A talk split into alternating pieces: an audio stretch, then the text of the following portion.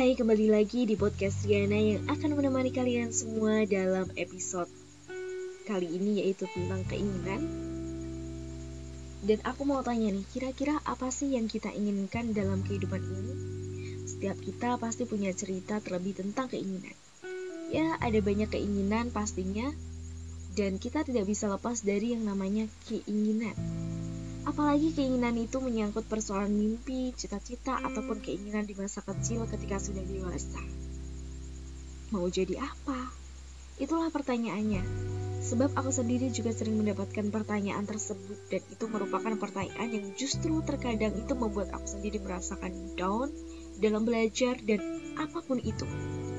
Kadang-kadang juga ketika sedang membaca buku terlintas, oh iya ya, mau jadi apa? Tapi di mana pun itu, serta dalam hal apa pun itu, kita semua harus tetap semangat. Terlebih dalam mengejar mimpi.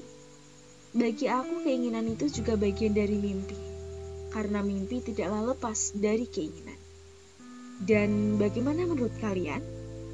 Semoga kita semua selalu tetap semangat, berkeinginan dengan baik yang nantinya akan membawa pada kebaikan pula. Yuk, semangat!